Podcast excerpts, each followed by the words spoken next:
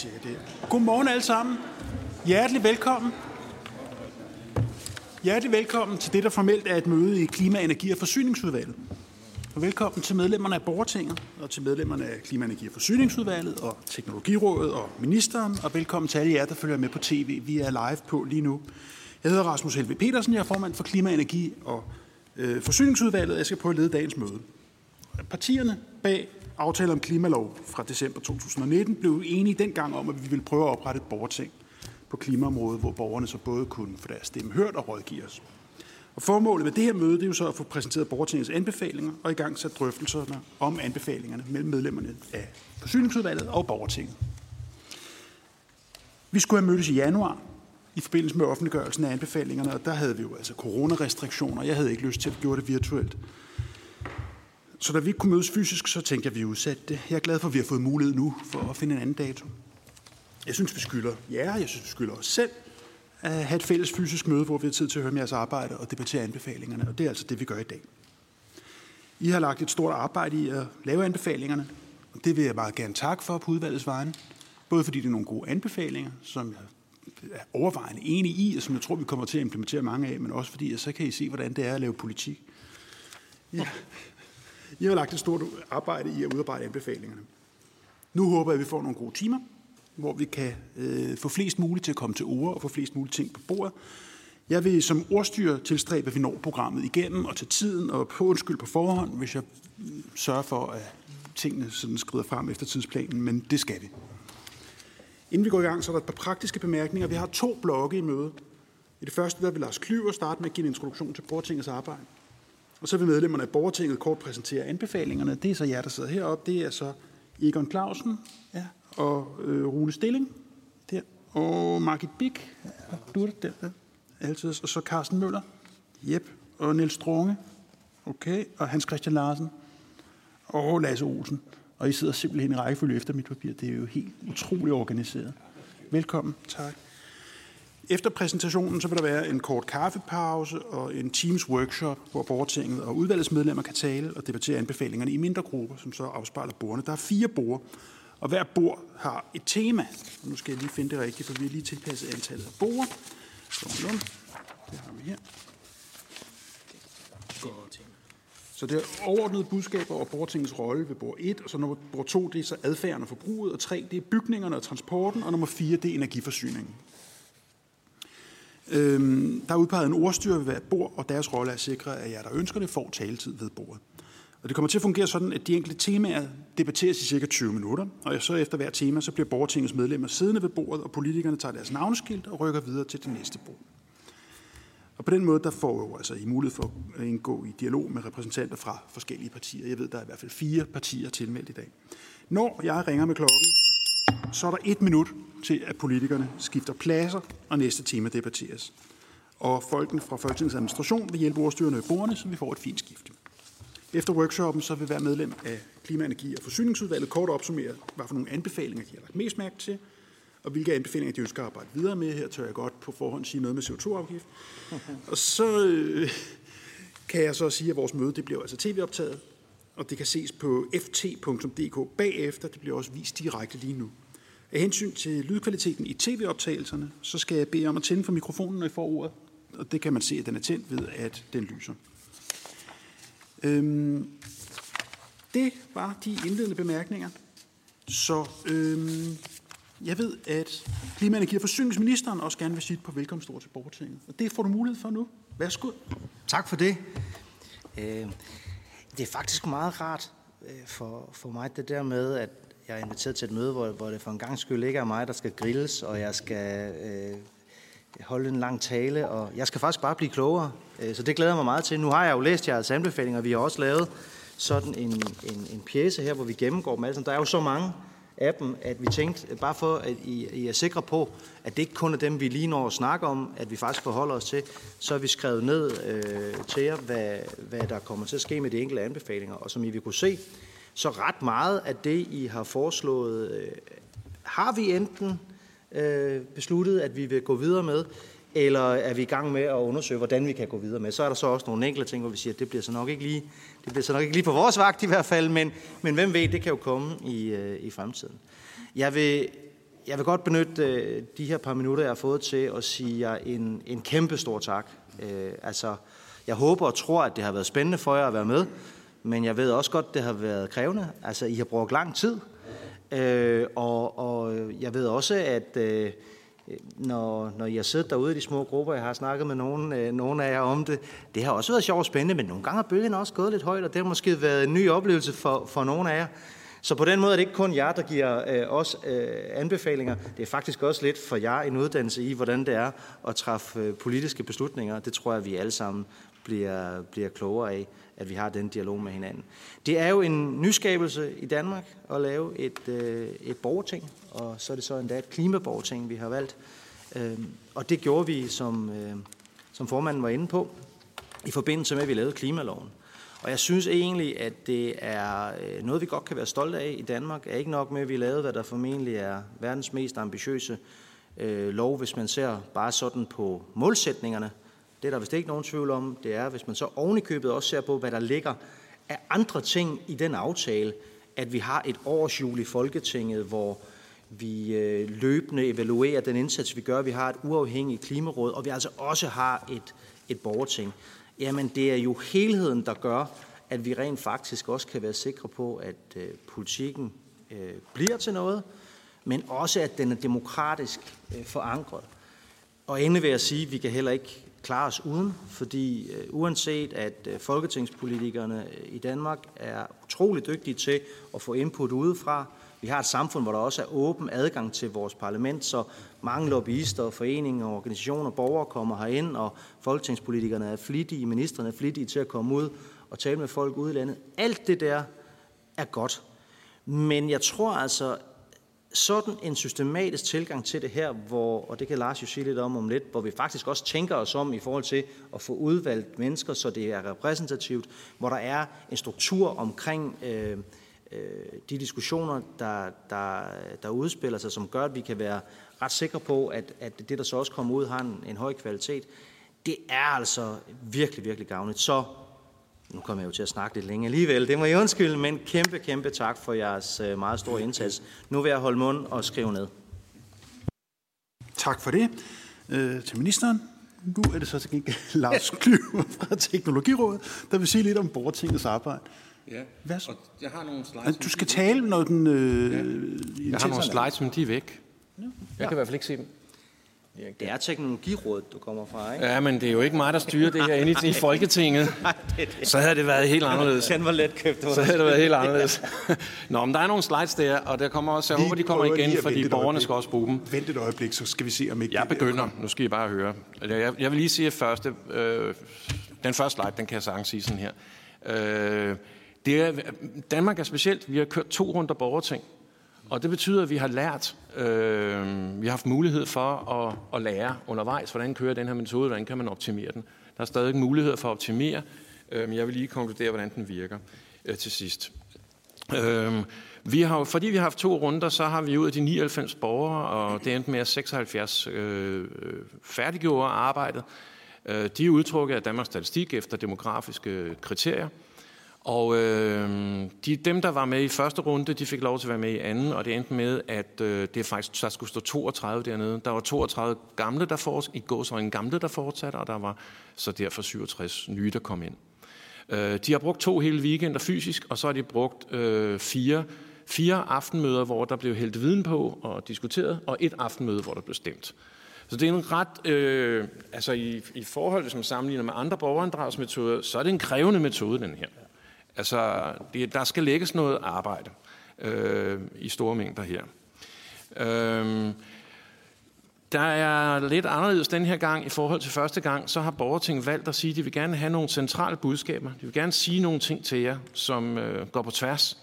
Og det tror jeg er vigtigt at lytte til. Vi har, øh, vi har den første seance efter pausen. Den handler netop om hovedbudskaberne og om øh, borgertingets rolle. Øhm, så de ligesom prøver at trække igennem, og det vil Egon præsentere lige om lidt. Vi har også stemt på en lidt anden måde den her gang. Vi har lavet sådan en, der hedder, ja, jeg er helt enig, det er 100% enig. Og så har vi lavet en, der hedder, nej, ikke færdig. Den hedder, jeg er sådan set enig, men der er lige nogle knaster, som får at gøre, jeg kan ikke helt sige ja. For, og det tror vi er værdifuldt for jer politikere, for havde vi bare nej og ja, så ville der ryge en masse over i nej, som jo i virkeligheden et eller andet sted betyder ja på retningen, men ikke på detaljerne. Så det er det vigtige, at I, at I, at I læser de der lyserøde rigtigt. Der er, der er nogle steder, hvor de fylder rigtig meget. Øhm, så vil jeg sige, at den her metode, den danske øh, udførelse er til forskel, hvad nogen skriver i dagpressen, Øh, de har ikke sat sig ind i det, fordi den er fuldstændig sammenlignelig med OECD's, eller den, den dækker ind under OECD's retningslinje for borgerting. Så vi, vi lever op til standarderne. Øh, vi har gjort det, at vi i stedet for at køre et meget langt borgerting, som for eksempel det franske, så har vi kørt to, og det betyder jo, øh, Dan, at det passer ind i årshjulet. Ja. Og det synes jeg, at det er jo også noget, der bliver frem, fremhævet i den internationale debat om det danske borgerting. Det er det, der er spændende med, at det passer ind i årshjulet. Altså at man, at man kan løbende få noget viden efterhånden, som politikken ændrer sig, så får man også stadigvæk input fra borgerne. Øh, vi er også anderledes ved, at danskerne de er vant til at selv facilitere på arbejde og alle mulige andre steder. Det gør vi også i borgertinget. Så vi sparer også nogle penge til, øh, til det. Øh, så er der grundigt forklaret anbefalinger. Vi har gjort meget ud af at drøfte, at jer politikere I er immune over for paroler, og også varianterne af parolerne, så I har en stærk immunitet og, øh, og derfor har vi gjort meget ud af at forklare målsætningerne og logikken i det, borgerne vil. Og jeg vil også sige, når I snakker ud ved borgerne, prøv at forstå den. En ting er øh, øh, anbefalinger, de konkrete anbefalinger. Nogle gange er de nærmest eksempler på, der, på den retning, der står i teksten om, hvor borgerne vil hen. Øh, så, så det er rigtig vigtigt, det her indledende bemærkninger, som borgerne laver til deres anbefalinger. Så vil jeg lige sige, at vi har et betydeligt mindre budget end set i de fleste andre lande, øh, i, i andre lande, vil jeg sige øh, for borgerting. Og det betyder også, det har også været en meget, øh, det, det, det gør også, at den bliver lidt mere komprimeret, hvis man kan sige det sådan. Vi har også eksperimenteret. Første gang, der lavede vi sådan lidt mere central definition af, hvad for nogle temaer. Anden gang, der var det borgeren, der helt bestemte, hvad der skulle for nogle temaer, der skulle på banen. Vi har også eksperimenteret med, hvordan vi bruger eksperter. Fra begyndelsen i, i øh, den første runde, der lavede vi en, hældte vi en masse viden på fra starten. Øh, I den anden runde, der startede vi med at finde ud af, hvad skal det handle om, og så puttede vi eksperter på, efter hvad det skulle handle om. Øh, den første, der var vi helt online. Det var ikke helt frivilligt valgt, øh, må man sige. Øh, den anden gang, der valgte vi blandet, og det vil sige, at vi kunne nøjes med i gåsøjne og mødes til to weekendsamlinger, øh, som jo tidsmæssigt er krævende for borgerne, og så kunne vi have nogle aftenmøder med indhold. Og det, det synes jeg, altså min vurdering er, at det har fungeret fint øh, med den her lidt blanding, den her blanding. Og endelig vil sige, at vi har også eksperimenteret med tid. Det kørte over fem måneder første gang, det kørte over halvanden måned næste gang. Jeg vil sige, man kan nok godt lige tage en mellem, mellem øh, løsning næste gang. Øh, og så er der en stor forskel. Første gang, der var borgerne totalt rundt for det, for, forvirret om, hvad for, nogle, hvad for en mandat de egentlig havde. Der må man sige, at det er der nok lidt forvirring om, og det vi også hører i debatterne derude i den første runde. Men vi snæver os ind på, at det er rådgivende, og det er på linje med, øh, med hvad hedder det, klimapartnerskaberne. Altså det er noget, man byder ind med, og så plukker I politikere øh, hen ad vejen i jeres øh, forhandlinger om, hvad I vil bruge. Og, og den, der vil jeg sige, det er rigtig vigtigt at være klar i spyttet om, hvad det er for en rolle fremover, og, og, og så videre. Det har borgerne brug for at vide, hvad er det for en rolle, vi skal fylde ud. Og første gang var det forvirrende. hvad har vi lært? Øh, borgerting er ikke en metode, det er en fleksibel ramme, og det er rigtig, rigtig godt, når man arbejder med et emne, der udvikler sig.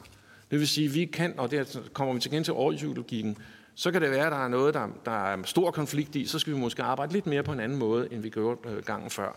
Øh, der er andre steder, hvor vi skal have et overblik, så kan arbejde lidt på en anden måde. Det er en metode, man sådan, hvordan man arbejder på det, for den møder, kan man justere den. Det er rigtig godt. På den måde er det en meget stærk metode. Øh, og så vil jeg sige, at temaerne, de kan defineres, som vi gjorde den ene gang, kun af borgerne, men de kan også defineres af en blanding af borgerne og facilitatorer. Og jeg vil også sige, hvis der er politisk efterspørgsel efter at vide noget, hvordan borgerne mener om en helt specifik ting, hvorfor skulle man ikke også lade politikerne kunne komme med nogle deciderede ønsker til, hvad de godt vil høre noget om i, i næste runde. Så vil jeg sige noget om, hvor krævende det er. Det er noget, man skal arbejde med. Man kan godt metodisk øh, gøre den mindre krævende, og, og det vil jeg sige, det skal man arbejde med i en næste. I første runde blev der gjort en del ud af at finde ud af, hvorfor der var nogen, der hoppede fra. Og det var praktisk talt alle sammen, hvor der var sket noget i deres liv, som gjorde, at de ikke de kunne ikke orke øh, at være med i det her. Det var simpelthen for krævende, øh, når nu de også var blevet syge, eller når nu der var sket noget andet. De lige skiftet job, eller sådan lignende. Og det kan man godt metodisk gøre noget ved, så vil vi få et mindre frafald. Øh, også sige, at øh, dem vi, hvis vi går ned i detaljerne i repræsentativitet, så dem vi har svært ved at få ombord, det er dem, der har et meget travlt arbejdsliv, eller på andre måder er meget ophængte. Og dem vil vi også gerne have med for diversitetens skyld. Så, øh, så der er noget at arbejde med. Det kan sagtens også gøre metodisk. Metoden er bestået. Øh, det rådgivende mandat, det skal, øh, i talsæt klart. Der skal politisk meldes tilbage til borgertinget, og det er jo det, I gør nu. Og det synes jeg, det er rigtig vigtigt, øh, at borgerne kan fornemme, øh, hvordan det bliver modtaget. Og så vil jeg sidst sige en sidste ting. Jeg tror, at hvis man, øh, jeg tror, man skal gøre rigtig meget mere ud af pressearbejdet omkring borgerting undervejs. Det er rigtig vigtigt, at pressen kommer på, og det mener jeg også, fordi dels fordi samfundet tørster efter borgerinddragelse på det her område, så skal de også vide, at det er der. Øh, men også, det sætter også en anden måde. Det betyder også, at I som politikere møder resultaterne på en anden måde i en debat ude i samfundet, hvis det kommer ud i pressen. Så man skal gøre mere ud af pressearbejde fremover, tror jeg faktisk er en flaskehals i den her, i forhold til at få borgertinget til at sætte agenda. Så det er alt sammen, men det er alt sammen noget, man kan arbejde med. Så det var, hvad jeg ville sige. Og, øh, men Lars, skal du ikke lige prøve at sige, hvad man kunne have gjort mere på pressearbejdet? For det er jo, altså, et af problemerne her er jo ikke, at der ikke er forsøgt. Det er jo snarere, at det ikke rigtig lever op til pressens nyhedskriterier. Jeg tror, at man godt kan lade noget af pressearbejdet komme over til borgertinget og sige, at de skal selv, øh, de skal selv have nogle ressourcer til at gøre, hvad de gerne vil for at komme ud i, øh, i medierne osv. Og det tror jeg er en ved styrke. Der er en interesse. Vi havde faktisk debat på den første weekend i Borgertinget, og der er en interesse for det. Og der kan man sige, der er vi sådan nogle trin. Hvordan kommer borgerne ind i ministeriets presseafdeling og ligesom får, får snakket med dem om, hvad kan vi nu gøre? Sådan noget. De, de, de linjer er der ikke rigtigt. Så jeg vil sige, man kan godt, man kan godt uddelegere en del af pressearbejdet til borgerne. Det vil man få noget ud af. Tak til Lars Klyver fra Teknologirådet. Og øhm, så kommer vi til det egentlige produkt, og det er jo så anbefalingerne fra de medlemmer, der sidder oppe. Og først så har vi altså Egon Clausen, der vil være så venlig at præsentere. Ja. Og Egon, værsgo, ordet tak. dit. Ja, altså vi har hejst fire faner, sådan som indledningen til de anbefalinger, og de står der på skærmen nu. Og øh, det første, det er udløst af, at øh, vi er blevet orienteret om the tipping points. Det er situationer, hvor vi behandler kloden sådan, at den ikke kan reparere sig selv. Og det er jo nogle frygtelige perspektiver, der åbner sig der. Mange synes, at politikerne handler alt for langsomt over for den her udfordring, og de indgår alt for mange kompromiser, der svækker virkningen af de nødvendige beslutninger, og det kan få katastrofale følger. Men kompromiser, det er demokratiets vilkår. Borgertinget er placeret i spændingsfeltet imellem kravet om øget hastighed på den ene side, og så ønskerne om at bevare det demokratiske system på den anden side. Og det er sådan, man kan se borgertinget. Det er sådan som en slags øh, samtalestation for en landsdækkende samtale mellem politikere og borgere, og som sådan, så kan det få stor betydning. Og så igen, det haster. Økonomiske argumenter må ikke bremse de nødvendige beslutninger. Klimakrisen skal behandles på samme resolute måde som coronakrisen. Og det andet, den anden fane, det er at indføre øh, CO2-afgift, og det vil jeg ikke sige noget om her, for det vil jeg sige noget om senere, meget mere uddybende. Men jeg vil sige noget om øh, et folketing, der tager ansvar. Borgertinget har vist sig i sin drøftelse at have meget, meget stor tillid til staten, til det offentlige. Når man støder på et problem, så peger borgertinget på det offentlige, staten, kommunerne og regionerne, som dem, der skal løse det. Og borgertinget ønsker sig også et folketing, der lever op til denne folkelige tillid ved at lægge særinteresse til side og ved at tage ansvar i fællesskab. Og endelig så er det det sidste, mere oplysning. Det er simpelthen så påfaldende, både fra første samling og fra anden samling, at ønsket om mere oplysning har været meget kraftigt. Hvis den grønne omstilling skal lykkes uden at blive afsporet af falske myter og konspirationsfantasier, så er det nødvendigt med en løbende dialog med alle de berørte parter, og en sådan dialog skal foregå via allerede eksisterende medier, institutioner og foreninger – i værktøjskassen, som det hedder på nudansk, der finder man dagblade, ugeblade, tv, radio, podcast, weblogs, miljømesser, folkebiblioteker, folkeskoler og folkeoplysningsforbund og folkemøder. Og så skal der være en national klimadag, hvor hele landet holder fri og kan diskutere den grønne omstilling. Det var det. Du tager bare næste emne. Så jeg tager den næste igen også. Du får også det næste Okay, emne. så skal jeg sige noget. Ja. Om CO2-afgiften oplever vi, at der er en meget bred enighed fra forskere om, at en sådan afgift skal indføres hurtigst muligt. Vi er også vidne om, at der er værktøjer, teknologi og viden nok til at gennemføre den grønne omstilling. Men flere brancher mangler incitamenter og midler til at omstille sig i stor skala, og her kan CO2-afgiften komme i spil, så virksomhederne vil kunne se en god forretning i at omstille. For ikke at skabe konkurrenceforvridning, så skal der være en produktafgift på importerede varer. Man har data for udlændingen i de fleste brancher, men inden for landbruget, der har man endnu ikke kortlagt CO2-aftrykket gennemgående nok. En CO2-afgift må her indføres over længere tid. Det bliver landmændene sikkert glade for at høre. CO2-afgiften bliver pålagt under produktionen. Det vil give producenter incitament til at reducere deres CO2-forbrug for at blive konkurrencedygtige. Argumentet mod en CO2-afgift er ofte, at den hovedsageligt vil ramme borgere med en lav indkomst. De eksisterende afgifter på energi rammer allerede socialt skævt, men hvis energiafgiften eksisterer samtidig med en CO2-afgift, så kan man forestille sig en stor social skævvridning. Derfor bør energiafgiften udfases samtidig med udrulningen af CO2-afgiften og produktafgiften. Vi så opfordrer politikerne til at overveje muligheden af at nedskære andre afgifter for at gøre plads til CO2-afgiften, sådan at det bliver billigt at forbruge bæredygtigt. Derfor mener vi, at en CO2-afgift skal starte som en lav afgift, der skrues op, mens andre afgifter, der ligger på CO2-sunge produkter, skrues ned.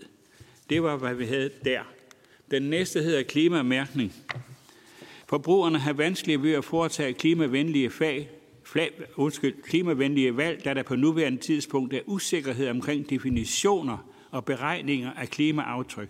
Der er også usikkerhed om, hvorvidt producenterne de nu giver korrekte informationer om indhold og fremstilling af produkter. Mange spørger, om man nu også skal stole på dem. Laver øh, firmaerne dem ikke selv? Er de baseret på ægte fakta, eller laver de ufine sammenligninger? Der er ikke lovgivning eller andre officielt vedtagende retningslinjer mod produkter med for højt klimaaftryk. Derfor er det vigtigt at skabe få, men troværdige mærknings- anordninger, og de skal være retvisende, transparente, præcise, letforståelige og veldokumenterede. Udover at hjælpe forbrugerne med at vælge rigtigt, så skal mærkningen også medvirke til, at de produkter, der kan, ikke kan præsentere en god klimamærkning, forsvinder fra markedet i kraft af, at efterspørgselen mindskes. At indføre en god klimamærkning er en opgave for staten.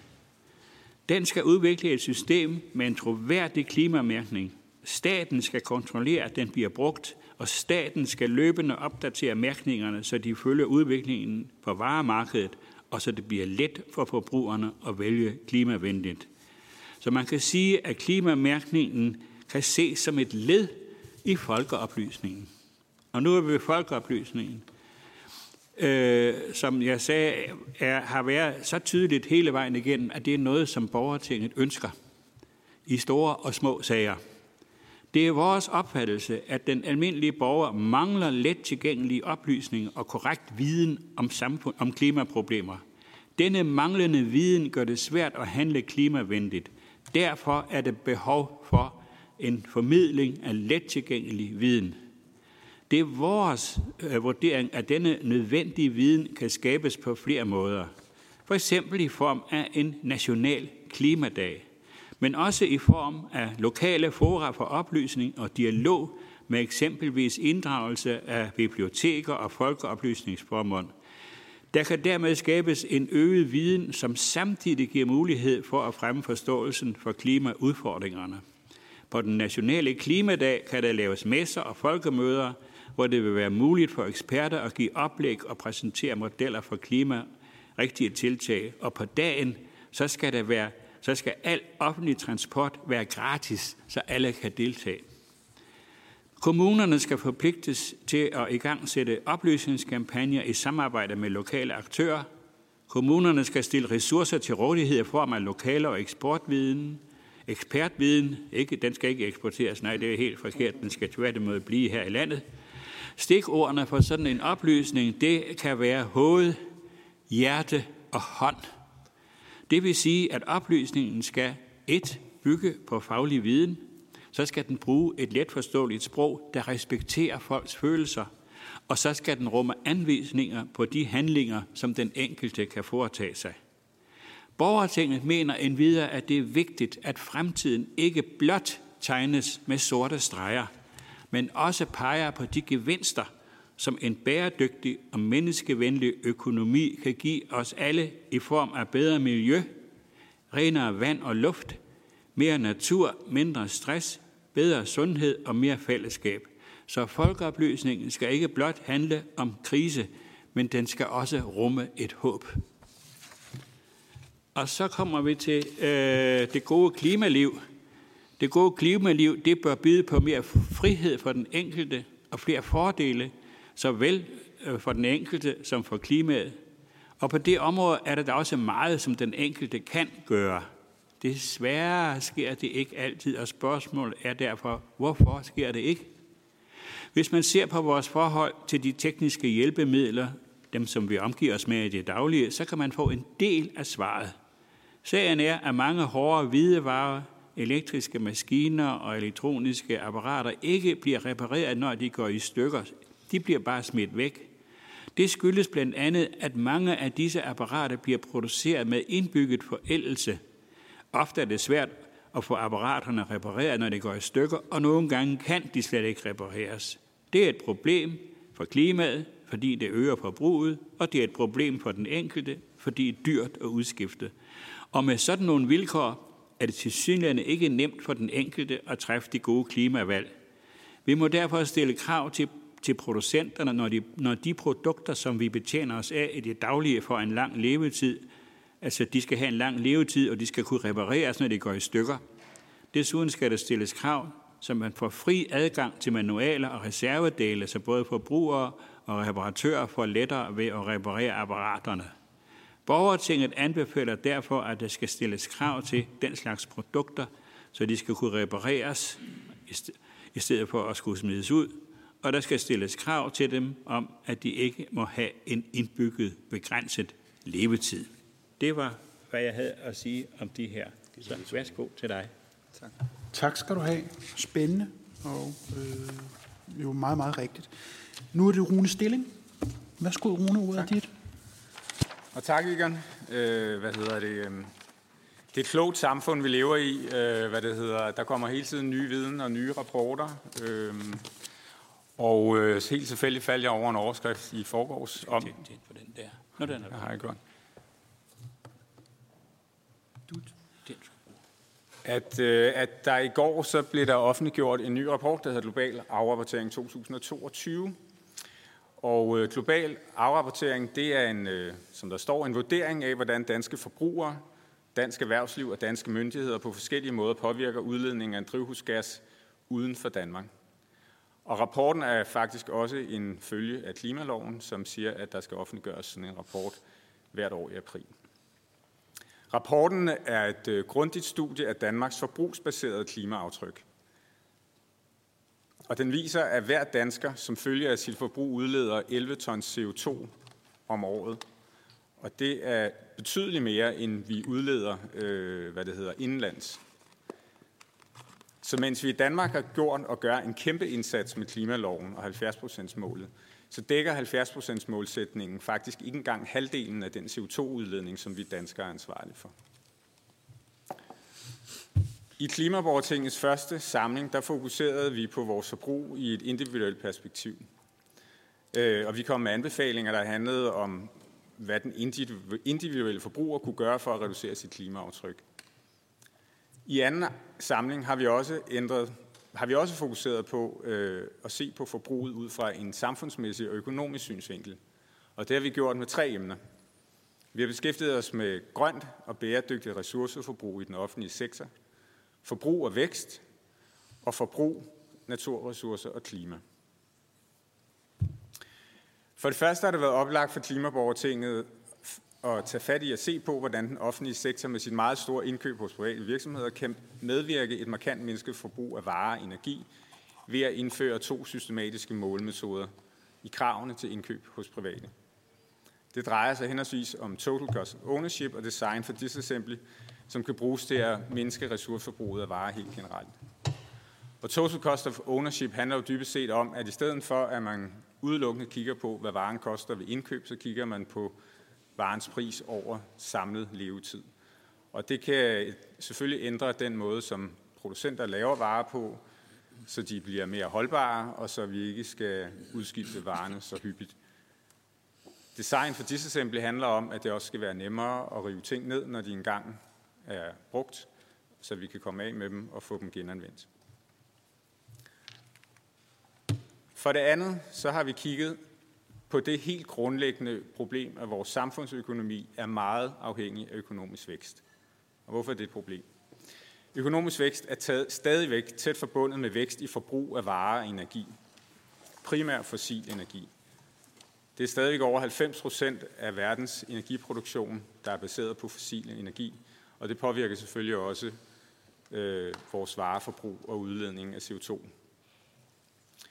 Derfor er det oplagt at se på, hvordan vi i højere grad kan give politikere og forbrugere incitamenter til at skære ned på forbruget af fossilt producerede varer. Og derfor foreslår jeg, at vi giver jer politikere nogle nye målepunkter i den økonomiske politik. I øjeblikket er det helt centrale målepunkt, og jeg tror, det står i enhver politikers resultatkontrakt, at landet skal have løbende økonomisk vækst år efter år. Økonomisk vækst giver arbejdspladser, det giver mere økonomi til velfærd, det giver en masse rare ting, som politikere og befolkningen sådan set er interesseret i. Men så længe den økonomiske vækst i et relativt stort omfang er bundet op på forbrug af fossilproducerede varer, er det selvfølgelig et problem. Derfor så øh, foreslår vi, at det ikke længere skal være muligt at prioritere økonomisk vækst baseret på fossil økonomi over halvandengradsmålsætningen. Og vi skal undersøge, hvordan vi kan gøre vores samfundsøkonomi mere robust og mindre afhængig af økonomisk vækst baseret på fossil produktion. Det er ikke nogen nem opgave. Så har vi for det tredje kigget på forbrug, naturressourcer og klima. Og det er fordi, at når vi taler om klima og miljø, så er CO2 jo ikke den eneste faktor, som er et problem for miljøet. Øh, en anden ting er, at vores forbrug på nuværende tidspunkt på ingen måde er bæredygtigt. Mængden af naturressourcer er endelig, og i Danmark lægger vi beslag på naturressourcer svarende til, at der skulle bruges der fire jordkloder, hvis alle jordens indbyggere havde samme forbrug som os. Det er det, der kaldes the ecological footprint. Det giver anledning til mange forskellige problemer for naturen ud over global opvarmning, som for eksempel biodiversitetskrise, dårlig forvaltning og overforbrug af begrænsede naturressourcer og landarealer. Vores anbefalinger handler derfor om konkrete måder, vi kan skære ned på de, de dele af vores forbrug, der er ekstra problematiske for vores fælles naturressourcer. Så som at sørge for, som Egon snakkede om, at produkter bliver produceret for, til at holde så længe som muligt. Det handler også om at få stoppet væksten i bilparken, så vi ikke fortsat skal beslaglægge stadig større naturarealer til vejprojekter, der forsager endnu mere trafik og endnu flere biler i en selvforstærkende proces. Vi foreslår også, at man politisk indfører en målestok, der tager højde for vores samlede ressourceforbrug, alle ecological footprint. Så vi prioriterer, at en dansker har samme ret til naturressourcer og råstoffer som resten af verdens befolkning, hverken mere eller mindre. Tak. Og så er det dig, Marit Big. Yes. Øhm, jeg vil gerne snakke om øh, landbruget, øhm, også i en sammenhæng med ja, selvfølgelig klimaet, men også med vores naturressourcer. Øhm, det er meget vigtigt, at vi tager vare på vores landbrugsjord, øhm, så den bliver mere robust over for klimaforandringer. Ikke kun derfor, men også, det er også en god årsag. Øhm, men lige nu så udpiner vi den. Øhm, men der er en masse dyrkningsprincipper, som, øh, som man kan bruge til at få et højere kulstofindhold i jorden, øh, en bedre tolerance over for tørke, mere biodiversitet, øh, flere bestøvere øh, og flere arealer øh, til skov og natur. Og de her principper, de skal selvfølgelig udbredes. Øhm, og desuden øh, har Klimaborgertinget en, øh, en anbefaling, som fik en masse stemmer om, at vores store dyrehold i Danmark skal reduceres. Øhm, så ja, kort vil jeg lige gå igennem de her fire anbefalinger. Øh, jeg vil også sige, hvor mange ja-stemmer de fik, fordi jeg synes, det var overraskende, hvor mange ja-stemmer øhm, de her anbefalinger øh, inden for landbruget fik. Den første, det er, at øh, der, skal give, der skal gives omlægningstilskud til landbrugsmetoder, der gavner klima, biodiversitet og jordens frugtbarhed. Så det skal ligesom være ikke kun klima eller ikke kun biodiversitet, men, men øh, landbrugsmetoder, som altså, tager vare om alle de her tre ting. Øh, et eksempel er for eksempel permakultur, som, øh, som er meget øh, glemt lige nu. Øh, men det kunne også være sådan noget, som på engelsk hedder det conservation agriculture. Øh, men der, som vi så også kommer til i anbefaling nummer to, synes vi også det er vigtigt, at man skal reducere brugen af insekticider. Derfor øh, Conservation Agriculture er et eksempel, som, Øh, som gavner klimaet og biodiversitet, men man skal sikre sig, at, at, øh, at der ikke i hvert fald bliver sprøjtet mere. Vi synes, der skal sprøjtes mindre samtidig. Og det er ikke altid tilfældet med Conservation Agriculture, men det kan man godt få til at lykkes. Øhm, altså at man gør det og samtidig sprøjter mindre. Øhm, så ja, vi vil gerne have, som der står i anbefaling nummer to, at øh, vi får et bedre mål, end EU har, eller vi får et, øh, et mål, øh, som øh, siger, at vi skal reducere brugen af insekticider øh, mere, end, øh, end hvad EU-målet lige nu er. Øhm, vores tredje anbefaling er, at vi synes, det gør staten allerede øh, i en vis grad, men vi synes, staten skal øh, skal opkøbe mere billig landbrugsjord og omlægge den til skov. Øhm, og vores, øh, den sidste anbefaling, jeg vil nævne, det er det her med, at det animalske landbrug skal reduceres. Og nu vil jeg lige sige, øh, hvor mange stemmer de fik. Jeg kan starte med den sidste, at det animalske landbrug skal reduceres. Den fik øh, 77 procent ja-stemmer. Øhm, den tredje her med, at vi skal have mere øh, omlægning til skov, øhm, den fik 80 procent ja-stemmer. Nummer to med, at vi skal reducere brugen af insekticider gennem et bedre mål, end EU har sat. Den fik, øhm, øhm, skal jeg lige huske det, den fik 87 procent. Og øhm, den første her med, at vi skal have et omlægningstilskud til landbrugsmetoder, øh, der gavner klima, biodiversitet og jordens frugtbarhed, den fik 86 procent ja-stemmer. Yes, tak for det. Tak for det. Og det der med at købe billig landbrugsjord, det er svært. Jeg synes, det er dyrt derude. Men i øvrigt er jeg fuldstændig enig i, ja, det det. Men jeg er jo fuldstændig enig i, at vi skal opkøbe og omlægge til skov og så videre. Nå, øh, men tak for det, Marit. Så er det Carsten Møller. Værsgo. Jo, tak. Jamen, øh, jeg har, nu skal vi lige have trykket på Nummer 9. Øhm, emne nummer 9 øh, handler omkring øh, det offentlige. Det har vi også øh, berørt øh, tidligere i dag, men her er der det som øh, bygherre. Og øh, i virkeligheden så er det sådan, at, øh, at det offentlige, det er staten, det er regionerne, det er kommunerne. De har i alt 45.000 ejendomme, og øh, det er 43 øh, millioner etagemeter. Øh, Øhm, men det viser sig, at øh, mange af dem, faktisk 7 ud af 10, kun har en øh, energiklasse øh, D til G. Så det er faktisk i den dårlige ende. Og jeg tror, de fleste af jer, hvis I har kendskab til, har prøvet at sælge jeres eget hus, jamen så betyder det rigtig meget, af, hvilken energiklasse det er. Det betyder også, at der er en masse ingeniørrådgivere, som i virkeligheden ved, hvordan de skal karakterisere øh, de her øh, øh, energiklasser, men samtidig også finde ud af, hvad er det for nogle løsninger, der skal til for, at man kan hæve sine energiklasser.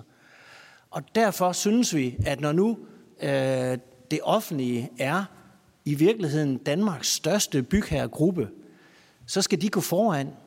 Og øh, derfor har vi lavet øh, nogle anbefalinger vedrørende det. Altså, de skal være rollemodellen. de kan være rollemodellen. Og de kan være rollemodellen, fordi at det ikke er din egen pengepunkt, det går ud over. Det er vores allesammens pengepunkt, men det kommer selvfølgelig tilbage igen. Øh, derfor foreslår vi af anbefaling 1, at alle offentligt ejede bygninger øh, skal hæves med to energiklasser inden 2030. Og øh, det er rigtig let at gennemføre, fordi vi har energirådgiverne til at gøre det. Vi har øh, forhåbentlig også øh, nogle midler til at gøre det. Øh, det er så selvfølgelig sværere at føre ud i livet, og derfor har vi valgt at sige, at der skal nogle delmål til, således at man kan tage nogle spring op imod at få øh, den her hævning af energiklasserne. Øh, så vi laver simpelthen nogle delmål for 2025 og 2028. Det, der er i det her, det er sådan set, at øh, det, der også skal gøre det let at gennemføre, det er, at staten de har en måde at have grønne retningslinjer på. Den ene kommune har en, en anden, og den tredje kommune har en, en fjerde måde at, at gøre det på, og så regionen en, en syvende. Det, der ligger i det, det er, lad os nu få nogle fælles retningslinjer, således at den her renovering af vores bygningsmasse, offentlige bygningsmasse, kan gennemføres. Jeg ved, vi har øh, bygningsreglementet, men der skal nogle flere retningslinjer til. Det skal være et værktøj. Så kan vi nemlig handle nu i den sammenhæng. Vi har så også sagt, at øh, det her, når du nu kommer igennem, så tager man det private bagefter. Øh, at den, den bygnings, private bygningsmasse også skal hæves med to energiklasser. Men det bliver først til 2040, fordi vi ved godt, at når det er vores egen pengepunkt, så tager det længere tid. Men det sker via nogle incitamenter. Så det er, øh, det er de ting, vi har omkring at sørge for, at det offentlige bliver rollemodellen inden for det grønne. Tak for det. Jeg har en til. Jamen, den skal du fortsætte med så. ja. Godt. Jamen, øh, det er vedrørende genanvendelse af byggematerialer. Øh, det bliver gjort øh, rigtig meget. Øh, men det, vi egentlig har brug for, det er egentlig, at der kommer en mere standardiseret metode til at gøre det på, så alle gør det på samme måde, og man lynhurtigt kan finde ud af, hvordan øh, kan vi øh, hvordan kan vi finde ud af, om det her det er med til at nedbringe bygningernes CO2-aftryk. Øhm, det der er i det, det er, at vi anbefaler, at en ekspertgruppe skal øh, lave øh, nogle anbefalinger øh, omkring, øh, hvor meget det offentlige byggeri det skal indeholde af genbrugte materialer. Så det er i virkeligheden nogle standarder, nogle måder, hvorledes man kan sige, jamen øh, den her type byggeri, den skal have den her type genanvendelsesmaterialer øh, inkluderet. Der kan være stor forskel, men der skal vi simpelthen have en ekspertgruppe til at kigge på det. Øhm, samtidig, når vi så laver sådan en standard for, for, øhm, for sådan en, øh, en, øh, en genanvendelse, så skal det ske via en øh, livscyklusvurdering af materialerne, og den skal være uafhængig af branchen, fordi ellers så øhm, er det ikke rigtigt, det der kommer frem. Der skal simpelthen være uafhængighed. Øhm, derudover så mener vi selvfølgelig, at øh, der skal understøttes noget forskning, der gør, at øh, den her implementering af de her øh, klimavenlige teknikker og materialer, den skal øh, understøttes. Det var mit. Tak. Tak skal du have, og igen er jeg meget, meget enig. Nils Strome, værsgo. Ordet er dit. Der kom den, Sandy. Godt. Jeg skal tale lidt om øh, persontransport som det centrale og infrastruktur. Øh, det er sådan, at øh, den allerstørste udleder af CO2 i Danmark, det er privatbilismen, baseret på fossil brændstof. Og øh, det er også et af de steder, ved vi jo, at det vi har hørt i medierne, at øh, det er altid det, man kan diskutere med hinanden, hvor mange elbiler skal vi have, fordi at det, det er sådan noget meget håndgribeligt. Og det skal man jo, og det skal vi selvfølgelig, eller har ønsket, at det har vi ønsket at, skal sige, at prøve at skubbe til, sådan at vi kommer med vores bidrag til det her.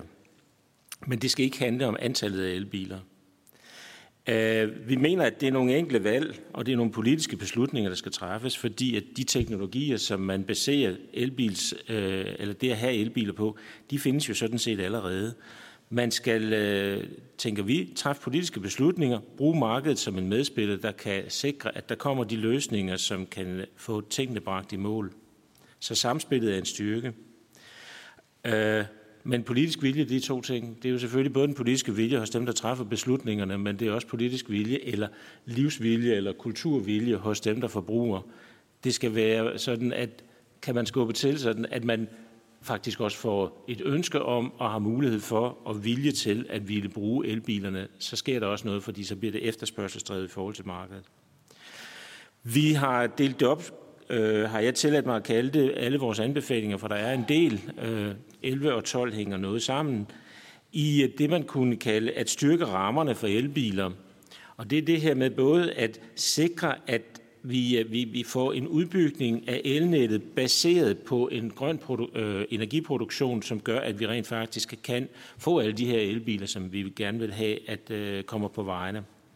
Der skal være en standardisering af ladestationer, så det skal være nem og effektiv opladning, det hele baserer sig på. Måske er der noget teknologiudvikling, men man hører jo løbende om, at tingene udvikler sig også på det område. Det er et lovkrav om antallet af ladestationer på offentligt tilgængelige P-pladser. Jeg tror, det findes mange steder i forvejen, men jeg ved ikke, om det er ensartet på tværs af landet. Og det er P-pladser med ladestationer, som kun er tilladt for elbiler. Det er jo nu også mit indtryk, at det også findes. Men det er et spørgsmål om, at her er der faktisk noget at bygge ud af. Så kan man sige, at B'eren, det er det her med at besværliggøre øh, privatbilisme, og øh, det er jo selvfølgelig for at begrænse den fossilbrugte, eller den, de fossile biler primært. Men det handler om at indføre bilfri zoner i byerne, at sætte hastighederne ned i byerne. Øhm, så er vi inde i, øh, og undskyld, og det ved jeg lige, hvor jeg skal placere. Nej, det er optimering af eksisterende infrastruktur frem for at bygge nyt. Altså, den hører til i den øh, kategori, der hedder, at øh, infrastrukturen skal, skal, øh, skal bruges, men når vi bygger infrastruktur, så bruger vi jo også en forbandet masse CO2, eller det udleder en masse CO2, når vi øh, øh, støber vores veje med videre. Så det er et spørgsmål om måske netop at få udvidet den infrastruktur, som allerede findes i forvejen. Så øh, kigger vi også i forhold til infrastruktur på det her med at etablere knudepunkter, hvor det bliver nemt at skifte fra, offent, fra privat til offentlig transport og tilbage igen. Og der bliver man jo selvfølgelig også nødt til at, at, at anerkende, at der er nogle hovedfærdselsårer, og der er nogle områder i Danmark, som er tungere befolket end andre. Og det er måske der, man skal satse, fordi det er der, de lavest hængende frugter er så skal vi øh, have kigget på i forhold til den kollektive transport at gøre billetsystemerne til offentlig transport nemmere, og billetterne må meget gerne være billigere. Jeg oplever personligt, når jeg har et pendlerkort her i Københavnsområdet, og kun har det til S-tog, hvis jeg så skal skifte og have en tillægsbillet, så koster det mig 12 kroner at gå over i metroen. Altså, det synes jeg jo ikke er hensigtsmæssigt. Der burde være et eller andet, sådan, så de ting er koblet bedre sammen. Fordi hvis jeg købte det som et månedskort, så vil mereprisen være ganske begrænset i forhold til de ekstra ture, jeg skal tage. Sådan nogle ting kan man, bør man selvfølgelig kigge på. Og så det med, at transporten skal være billigere, det er jo et spørgsmål om subsidier. Og så endelig så har vi det her med øh, cyklisme, og det er både på denne, hvor vi siger, at vi skal udbygge øh, vi skal udbygge øh, og forbedre den eksisterende sti og vejnet til cyklister. Øh, det skal være behageligt, og det skal være rart at cykle. Jeg synes, man gør nogle steder, altså det jeg kender, det er jo både København og også øh, det sted, hvor jeg selv kommer fra. Altså egentlig, at der bliver arbejdet med, at det skal være nemt at komme rundt på cyklen, så det bliver et øh, positivt valg, som man har lyst til at træffe. Og i anden led kan vi sige her under cyklisme og det gode klimaliv, det er jo så egentlig det samme, mere øh, specificeret, accelerere udbygningen af cykelstier over hele landet, og der skal bygges, altså det kunne være hensigtsmæssigt at, øh, at kigge på det her med, at der er desværre i nogle områder alt for mange cykler, der forsvinder, så der kunne bygges tyverier og havværkssikrede cykelparkering med boligområder, arbejdspladser, offentlig transport med mulighed for opladning også af elcykler. Det var det, jeg vil sige. Tak skal du have. Også gode pointe. Øh, Hans Christian Larsen, værsgo. Så er det dig. Ja, tak. Jeg skifter man med den her. Okay. Ja, øh, jeg skal tale om den nødvendigheden for en sammenhængende plan for omlægning af energiforsyningen.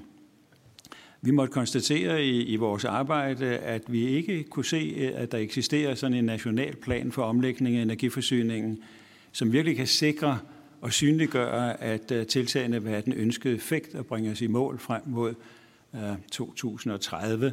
Øh, kort fortalt kunne man måske sige, at vi der var gået lidt for meget hockeystav i det. Man skød problemerne lidt foran sig og ventede på, at teknologierne skulle indfinde sig på et ret sent tidspunkt, og en samlet plan kunne vi ikke få øje på.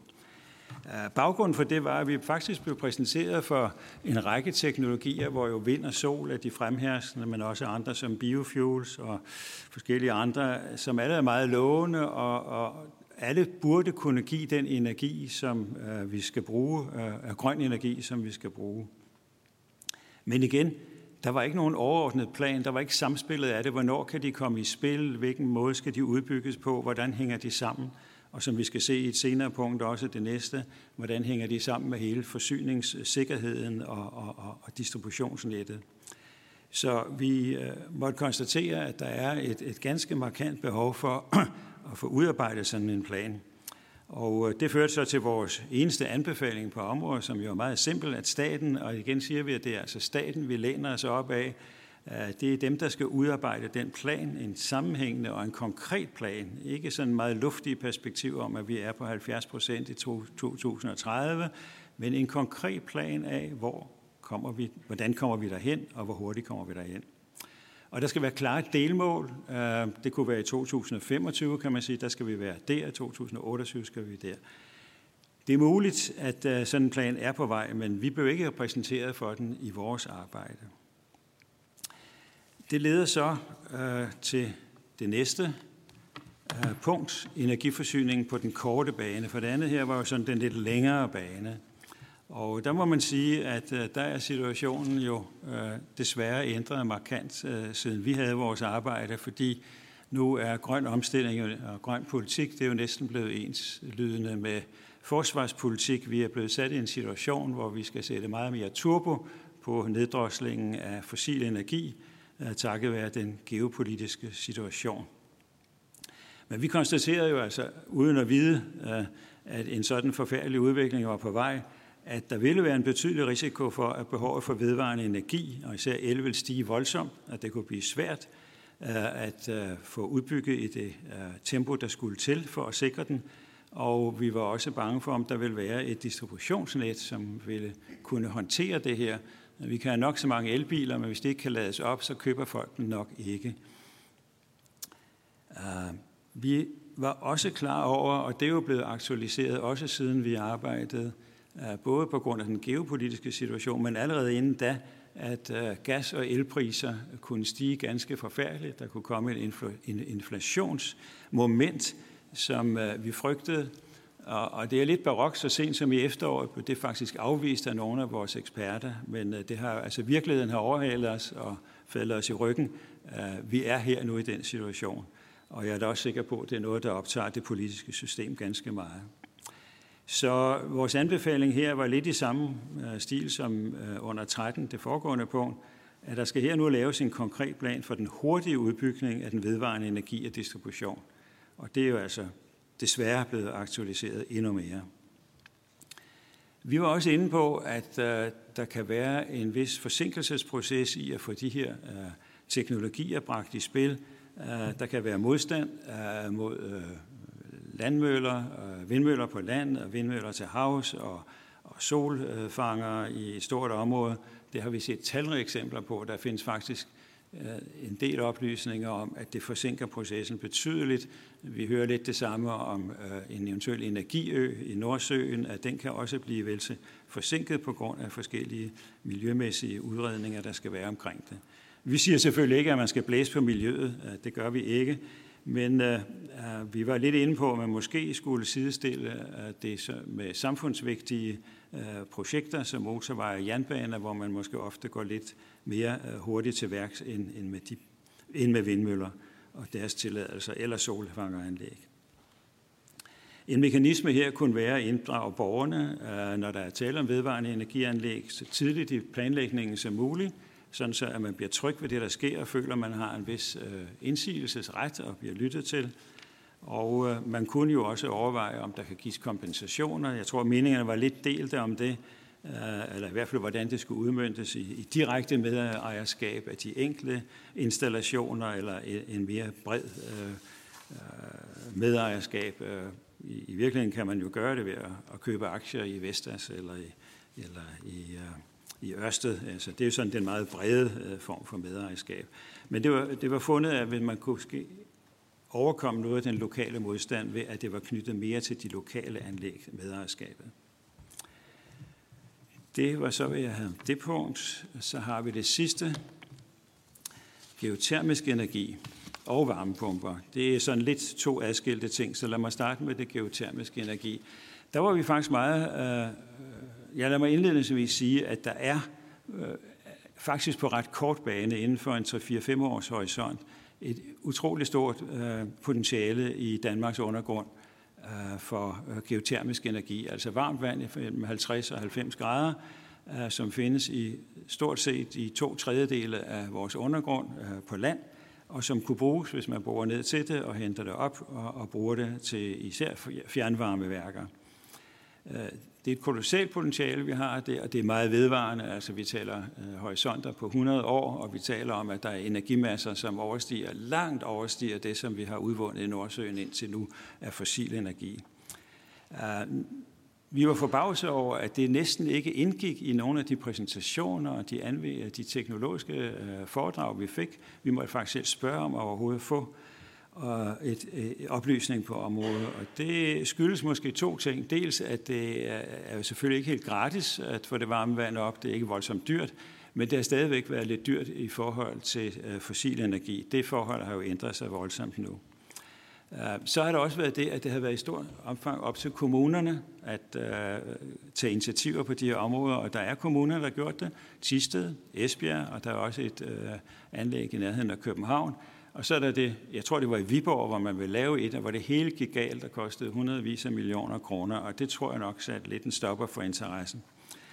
Men det skal selvfølgelig ikke ligge på kommunalplan. Det er øh, et risikobetonet øh, investering at gå ind i geotermisk øh, energi, så der skal større spillere til, at der skal national planlægning til, og den peger vi så på, at der burde Øh, være en bedre national plan og opbakning om, og fokus øh, på denne her energiform, som egner sig fremragende til øh, både husopvarmning, men også til gardnerier for eksempel. Det er jo forholdsvis lavt temperatur, at vandet kommer ved. Så det kan ikke bruges til at fremstille el. Det er så minuset ved det. Øh, der er sket lidt positivt på området. Øh, der er private spillere, der har sat sig ind i det nu. Jeg tror, det er et tidligere Mærsk-selskab, og det er sikkert stadigvæk ejet af Mærsk, som øh, har påtaget sig risikoen ved de her dyre prøveboringer, som både kan løbe op i 10 40 og 50 millioner kroner stykket. Så der er en vis risiko. De har påtaget sig risikoen, og så har de nok taget sig betalt på anden vis, ved at tro, når de har fået en koncession til, at, og øh, der skal laves prøveboringer allerede ved Aarhus, tror jeg, til næste år. Så der er noget på vej der, og det er vi da glade for. Øhm, så har vi også en bemærkning om varmepumper. Det dækkede vi en del i den første rapport, men øh, her har vi så fundet behov for at pege på, at man udover at der kunne være øh, støtte til etablering af varmepumpen, også kunne være tale om at støtte selve forbruget det var der lidt delte meninger om, fordi det er jo så på en eller anden måde også at, at støtte et øget energiforbrug, så der skal findes den rigtige balance. Det var, hvad jeg havde at sige. Tak for det, og også det er det svært at være uenig i. Øh, sidste taler i denne omgang, det er Lasse Olsen. Værsgo. Ja, tak. Øh, det her punkt det handler så om CCS, som er det her Carbon Capture Storage, som er at tage CO2 og så gemme det væk, eventuelt i i undergrunden. Og der ud fra de oplæg, vi har fået, øh, og gennem diskussionen har vi også ment, at det er vigtigt også at tage den her metode i brug, fordi at den faktisk tager CO2 ud af systemet, frem for at det er en metode, hvor man bare reducerer CO2. Og der har vi været så heldige, at Folketinget allerede har kigget på en plan for CCS. Så vores første anbefaling var, øh, da vi var igennem at anbefale, det var at sætte et konkret årstal for, hvornår vi gerne vil have, at den her plan den var klar, for det var ikke helt øh, klart på det tidspunkt. Og så synes vi også, at der skal sættes nogle økonomiske midler i spil, så man kan få implementeret det her, og eventuelt også sat nogle prøveanlæg i gang. Øh, hvor vi faktisk hørt, at det har været noget problem, at der ikke har været god nok mulighed for prøveanlæg for den her relativt nye teknologi. Og så er der også det vigtige punkt med, at der skulle være en tilhørende tilstrækkelig høj CO2-afgift, fordi at vi mener, at hvis der ikke er den her motivation fra CO2-afgiften, så vil der ikke være tryk nok på at bruge den her nye teknologi, så man kan få reduceret CO2. Så skal vi snakke om finansiering af robust energiforsyning på den korte bane. Og der mener vi, at det ikke helt går hurtigt nok. Øhm, og derfor mener vi, at staten også skal være klar til at, at gå ind og så, og så føre øh, løbet her. Og der har vi øh, også set, at der mange steder i øh, forskellige regler er der nogle øh, udfordringer med, med det her med at kunne reducere CO2, og der har vi for eksempel øh, kigget på udbudsregler, og der er også nogle regler omkring fjernvarme og tilskudsregler, øh, og derfor har vi så også en anbefaling, øh, der siger, at vi skal kigge på de her love, så de ikke står i vejen for CO2-besparelser, og helst skulle fremme CO2-besparelserne, fordi at vi er i den her situation. Og vi mener også, at staten skal tage et større ansvar for de kortsigtede investeringer, som øh, skulle kunne gennemføres hurtigt øh, og hurtigere end, øh, end markedet kan trække det, så vi hurtigt kan få i gang i den grønne omstilling. Øh, og så mener vi også, at det skal være en taskforce, som kan styre den her igangsættelse øh, og styre de her hastende projekter. Og så igen, så mener vi, at der skal være en CO2-afgift, øh, som også skal være med til at finansiere de her kortsigtede investeringer. Og så vores sidste punkt, det handler om forskning og innovation, øh, hvor forskning er meget, meget vigtigt i, i den her situation, vi er med, med klimaet, og derfor skal der stadig være højt tempo på innovation og forskning. Og, og der mener vi, at der skal simpelthen gå lidt op i tempo, og hvis man kan sige sådan, at skaftet på hockeystaven skal gøres lidt kortere, så man, øh, man hurtigere kan komme ud med, med de her forskningsprojekter. Og der har vi så en række anbefalinger. Øh, og et er, at man skal gøre al forskning, det skal på en eller anden måde forholde sig til bæredygtighed. Øh, og det er jo øh, nemt at se, når det gælder teknologiske innovationer, at der skal selvfølgelig være fokus på bæredygtighed, men også andre forskningsområder skal have bæredygtighed øh, i baghovedet. Og derfor vil vi også gerne have, at Klimarådet skal bede, eller vi vil bede Klimarådet om at i øh, identificere nogle af de vigtigste områder, øh, der skal forskes på. Øh, og der mener vi, at det, det er godt at vide, hvor der skal sættes ind hurtigt. Og vi ser også gerne, at Danmark sammen med EU og helst hele verden kan koordinere lidt med forskningen, så at der bliver sat ind på de vigtigste områder, og alle ikke forsker i et område. og vi mener også, at der skal sættes en pulje til innovative klimainitiativer og teknologier, og initiativtageren skal have adgang til viden hos forskere og erhverv. Øh, og så vil vi også helst gerne have, at viden skal være open source, så det er åben for alle, øh, og vi kan have mange ind på, på den innovative bane. Og så finansiering af langsigtede rammer for grundforskning øh, og endeforskning og udvikling bør sikres, øh, så man kommer i mål med, med forskning. Og så ved iværksættelse af forskning bør der tages beslutning om finansiering og etablering af testfaciliteter. Øh, lidt ligesom ved CCS skal der være øh, de rigtige testfaciliteter, øh, helst også gerne på, på tværs af landegrænser, så alle kan, kan tage sig brug af testfaciliteter, øh, når man tester de her nye teknologier. Det er hvad vi havde af anbefalinger. Tak for det. Det er et stærkt, stærkt, stærkt katalog. Vi er jo på forskellige vis i gang med det meste, i hvert fald øh, næsten det hele. Og jeg kan sige, at vi har jo, øh, jeg har arbejdet med klimaenergi i ja, 15-20 år. Det har aldrig gået så stærkt, som det gør nu. Men det har selvfølgelig heller aldrig nogensinde været så klart, at vi er på vej det forkerte sted hen. Øhm, tak for præsentationerne, det arbejde, I har lagt i dem. Øhm, ministeren Dan har sagt, at han øh, meget gerne vil have ordet her inden pausen, fordi du er nødt til at gå efter pausen. Vil du ikke prøve at samle lidt op her? Jo. Øh, jeg vil også gerne sige, sige stor tak. Øh, det er virkelig et stærkt katalog, og, og, og igen vil jeg bare også lige øh, henvise til den pjece, vi, vi har delt rundt, hvor det fremgår, hvad vi, hvad vi tænker om de enkelte forslag, fordi der er så mange, at det, det giver selvfølgelig ikke mening at prøve på at, at gøre det systematisk her, men måske bare sådan til, til et par af dem øh, så er vi jo heldigvis i gang nu med øh, at forhandle CO2-afgift, som er noget, I har lagt stor vægt på. også i de forskellige spor endda. Øhm, og det var jo sådan, at vi har haft nedsat en ekspertgruppe, og den ekspertgruppe har så præsenteret forskellige modeller for os, og, og på baggrund af det har vi så i regeringen fremlagt vores forslag, og det bliver så forhandlet med, med Folketingets partier. Og jeg må sige, at øh nu øh, kan vi jo ikke citere direkte inden fra forhandlingslokalet, det, det, så, så vil formanden også komme efter mig, men, men jeg tror godt, jeg må sige, jeg tror godt, jeg må sige, at det går godt, og der er fremdrift. Altså, vi er jo så heldige i, i Danmark, at der faktisk bredt i det politiske spektrum er opbakning til, at vi skal have en, en CO2-skat. Øhm, det er vigtigt selvfølgelig at understrege, at vi har sådan set haft en CO2-skat i Danmark siden 90'erne, men vi skal have en, der, der er bredere og højere, og øh, på den måde øh, giver meget bedre incitamenter til, at vi får den omstilling, vi, vi skal have. Så det håber vi meget, at vi kan få en, en aftale om inden sommerferien. Derudover er vi i gang med øh, forhandlinger omkring øh, at komme af med gas. Det er selvfølgelig aktualiseret af, af den forfærdelige situation i, i Ukraine. Øhm, også her øh, skrider, det, skrider det heldigvis frem, og, og inden sommer skal vi så også diskutere, hvordan vi kan få øh, udbygget vores vedvarende energi øh, endnu mere og endnu hurtigere, end vi allerede har besluttet. Der ligger allerede nu beslutninger om øh, at firedoble vores havvindmøllekapacitet inden øh, 2030, øh, og selvfølgelig endnu mere på den anden side, når, når energiøerne er færdige.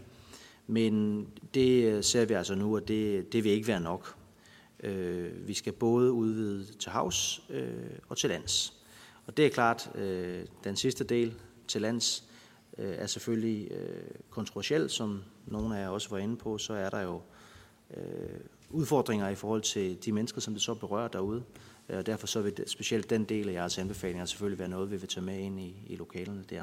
Men der er rigtig mange gode anbefalinger, og jeg, jeg lover jer, at vi forholder os til dem alle sammen, og, og de bliver altså diskuteret derinde i, i forhandlingerne. Det er sket mere end en gang, at, at forskellige partier har sagt, jamen husk nu, hvad borgertinget siger på det her, og så, så giver det altså en meget god dynamik i vores forhandlinger. Så I skal virkelig vide, at, øh, at det ikke bare er ord på et stykke papir, I har leveret her, det er noget, der, der kommer med i, i den politiske proces. Så tak skal I have. Dan, vi sidder her med de her øh, forhandlinger af, af silo-karakter, men der er et emne, som jeg ikke rigtig synes, vi har behandlet politisk, som drejer sig om folkeoplysningen, mm. som egentlig er lidt inspireret af. Har du ikke lyst til at knytte et ord til det også?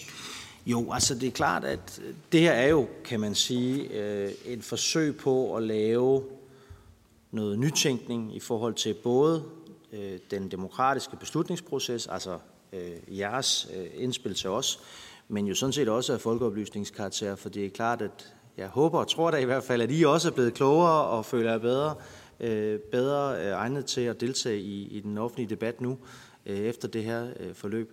Men jeg tror også, vi må sige, at øh, vi ikke som politikere skal undervurdere den meget vigtige opgave, vi har i, at der er en offentlig debat omkring det her derude i forsamlingshusene, på uddannelsesinstitutionerne, øh, klimafolkemøder, der bliver holdt rundt omkring i landet.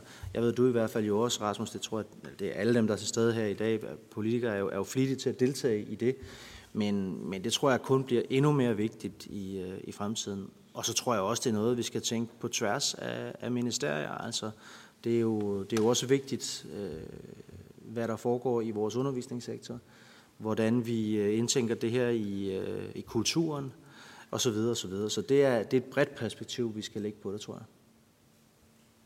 God. Mange tak skal du have. Tak. Og øh, det øh, synes jeg, vi skal tage med de her ord til kaffepausen. Så gå udenfor og få en kop kaffe. Vi må ikke drikke kaffe herinde, men vi må stå udenfor og drikke kaffe. Så starter vi herinde igen cirka 11.20, hvor vi så begynder workshoppen, og vi kommer tættere på de enkelte anbefalinger. Vi ses. Så kaffe, værsgo. Godt, værsgo og tage plads ved bordene. Og vi vil jo øh, gå i mindre grupper, så vi kan drøfte og debattere anbefalingerne. Og så øh, vil vi en gang imellem skifte politikere ud. Men vi kommer til at drøfte øh, først de overordnede budskaber og borgertingets rolle i 20 minutter. Og så tager vi fat på øh, fire andre emner bagefter. Men vi diskuterer alle sammen det samme ved fire bord, og så skifter vi emne ved alle bord, og så er der en ny politiker ved hvert bord for hver emne. Så det tror jeg godt, vi kan administrere. Og så husk, at vi ringer med klokken, og det er et minut til politiker og emneskift. Og værsgod og gå i gang.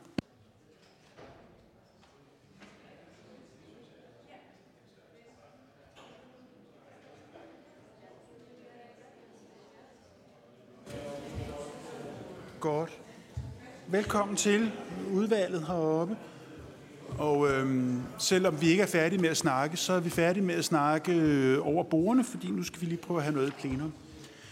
Og øhm, tak. Jeg synes, det var spændende at være rundt, og øhm, lidt frustrerende, fordi at vi er jo ikke blev færdige nogen af stederne. Men øhm, det er vilkårene.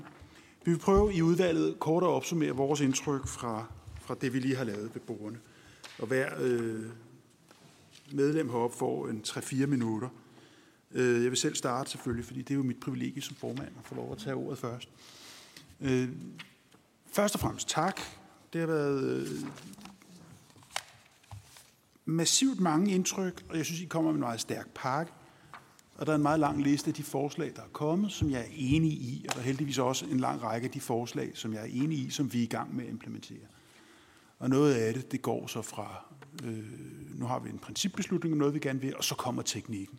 Og det er den der teknik, vi sidder dybt begravet ved i den politiske hverdag lige nu, når vi prøver at snakke CO2-afgift for eksempel, eller udbygning af, af, af vind i et meget voldsomt tempo. Der er nogle pointer, som jeg øh, synes, vi ikke handler på endnu, og som jeg har lyst til, som jeg er inspireret af de her anbefalinger til at sige, det vil jeg faktisk gerne tage på mig. Hvor en af pointerne handler om at få lavet en samlet national energiplanlægning, så vi ved, hvor vi skal hen. Altså sådan, så vi ikke bare hele tiden tager et skridt i den her sektor, et skridt i den her sektor, et skridt i den her sektor, men prøver at lave en samlet national energiplanlægning. Det giver god mening. Og den næste, som jeg synes, vi skylder på, eller som jeg synes, jeg skylder på, det er den, der handler om folkeoplysning. Fordi den falder uden for alle vores tekniske siloer, øh, hvor vi ikke har det som en del af landbrugsforhandlingerne, eller klimaforhandlingerne, eller omstillingen til russisk gas. Og jeg synes, det er rigtigt, at vi, øh, ligesom vi ikke har en samlet national energiplanlægning, heller ikke har en samlet folkeoplysningsindsats om den her kæmpe store grønne omstilling. Det er lidt tilfældigt, det der kommer. Og det vil jeg også gerne prøve. Øh, det, når jeg fremhæver de her to, som jeg vil arbejde videre med, så er det fordi, det er de steder, hvor vi ikke er i gang, så vidt jeg kan se. Men jeg vil selvfølgelig også fortsat arbejde i landbrugssporet og CO2-sporet og energiplanlægningssporet. Det er slet ikke det. Vi har jo før haft dialogen med borgertinget, og den praksis, det har for mig, det er, at jeg har nogle stemmer ind i hovedet fra de debatter, vi havde i den her sal sidst vi var her.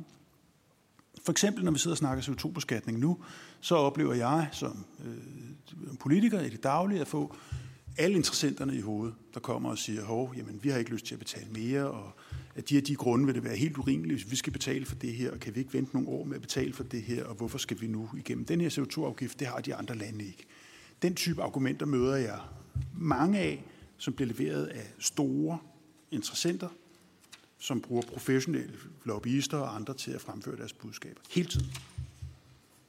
Og der har jeg som modvægt, prøver jeg at have det her helhedssyn, der hedder, at vi skal gøre det for klimaets skyld, og en sætning, jeg tog med sidst, med, vi vil jo gerne betale for den CO2, vi bruger. Og selvfølgelig skal man, det den fuldstændige rimelighed, der er i det, når man spørger et borgerting, skal vi betale for den CO2, vi bruger? Skal vi kunne mærke den omkostning, vi dermed påfører verden? Ja, selvfølgelig skal vi det. Og det har jeg personligt taget med mig ind i de politiske forhandlinger og bruger det nærmest hver dag. Nogle gange siger jeg det, men det meste af tiden tænker jeg det. At uanset hvad I kommer med af særinteresser, så skal, så det her, altså nu er tiden kommet til det her vigtige skridt. Jeg vil så også sige, at når man får de her anbefalinger, så kommer det på et tidspunkt, hvor jeg synes, at der er virkelig sus i skørterne på klimadebatten. Øhm, politik foregår på den måde, kan jeg fortælle jer, at man er i nogle lineære stræk, hvor der ikke rigtig sker noget, og så sker der nogle kæmpe ryg. Så der kommer nogle vinduer, hvor de politiske beslutninger bliver taget. Og der er vi i et vindue, der står på hvid gab lige nu. Og vi kommer inden for nogle måneder til at træffe afgørende beslutninger på det her område.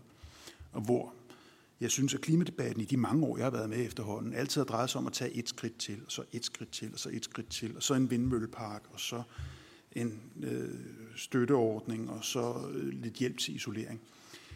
Det vi er i nu, det er ikke at tage et enkelt skridt ekstra, det er at komme i mål med den samlede grønne omstilling. Og jeg tror, vi kommer til at træffe de beslutninger inden for kort tid.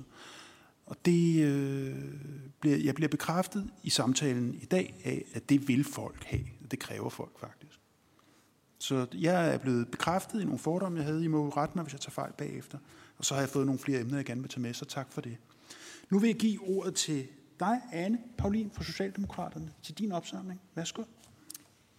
Tak for det, Rasmus, og uh, tusind tak til alle jer for nogle uh, gode snakke uh, rundt omkring ved brugerne, og ikke mindst for jeres uh, store engagement og i at lave de her anbefalinger til os. Det er, det er fedt at mærke, hvor, uh, hvor meget sådan, engagement såkaldte almindelige mennesker øh, kan få i, i det her, når man, man sætter sig ned og øh, går i dybden med det sammen med, med andre. Uh, så rigtig, rigtig spændende. Uh, der er mange forskellige øh, spændende Øhm, og det er på, på en eller anden måde også en politisk opgave at få skabt nogle gode rammer omkring det. Øh, så det er i hvert fald også nogle overvejelser, som jeg tager med mig videre. Så synes jeg også, det har været spændende at snakke omkring det her med, Øh, hvordan skaber vi den her opbakning til den grønne øh, omstilling, ikke bare når det sådan er abstrakt og på den store plan og principielt osv., men også når det så for eksempel handler om en vindmølle, der skal stilles op, eller nogle solceller, eller noget, der fylder i landskabet, der hvor man, øh, man bor og man har sin, sit hverdag og liv.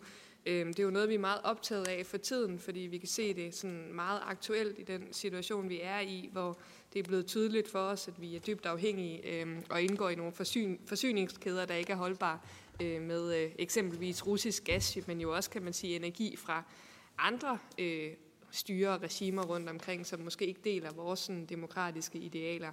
Vi har brug for at blive øh, uafhængige af det, og det kræver en ret hurtig udbygning med vedvarende energi. Men hvordan sikrer vi opbakningen?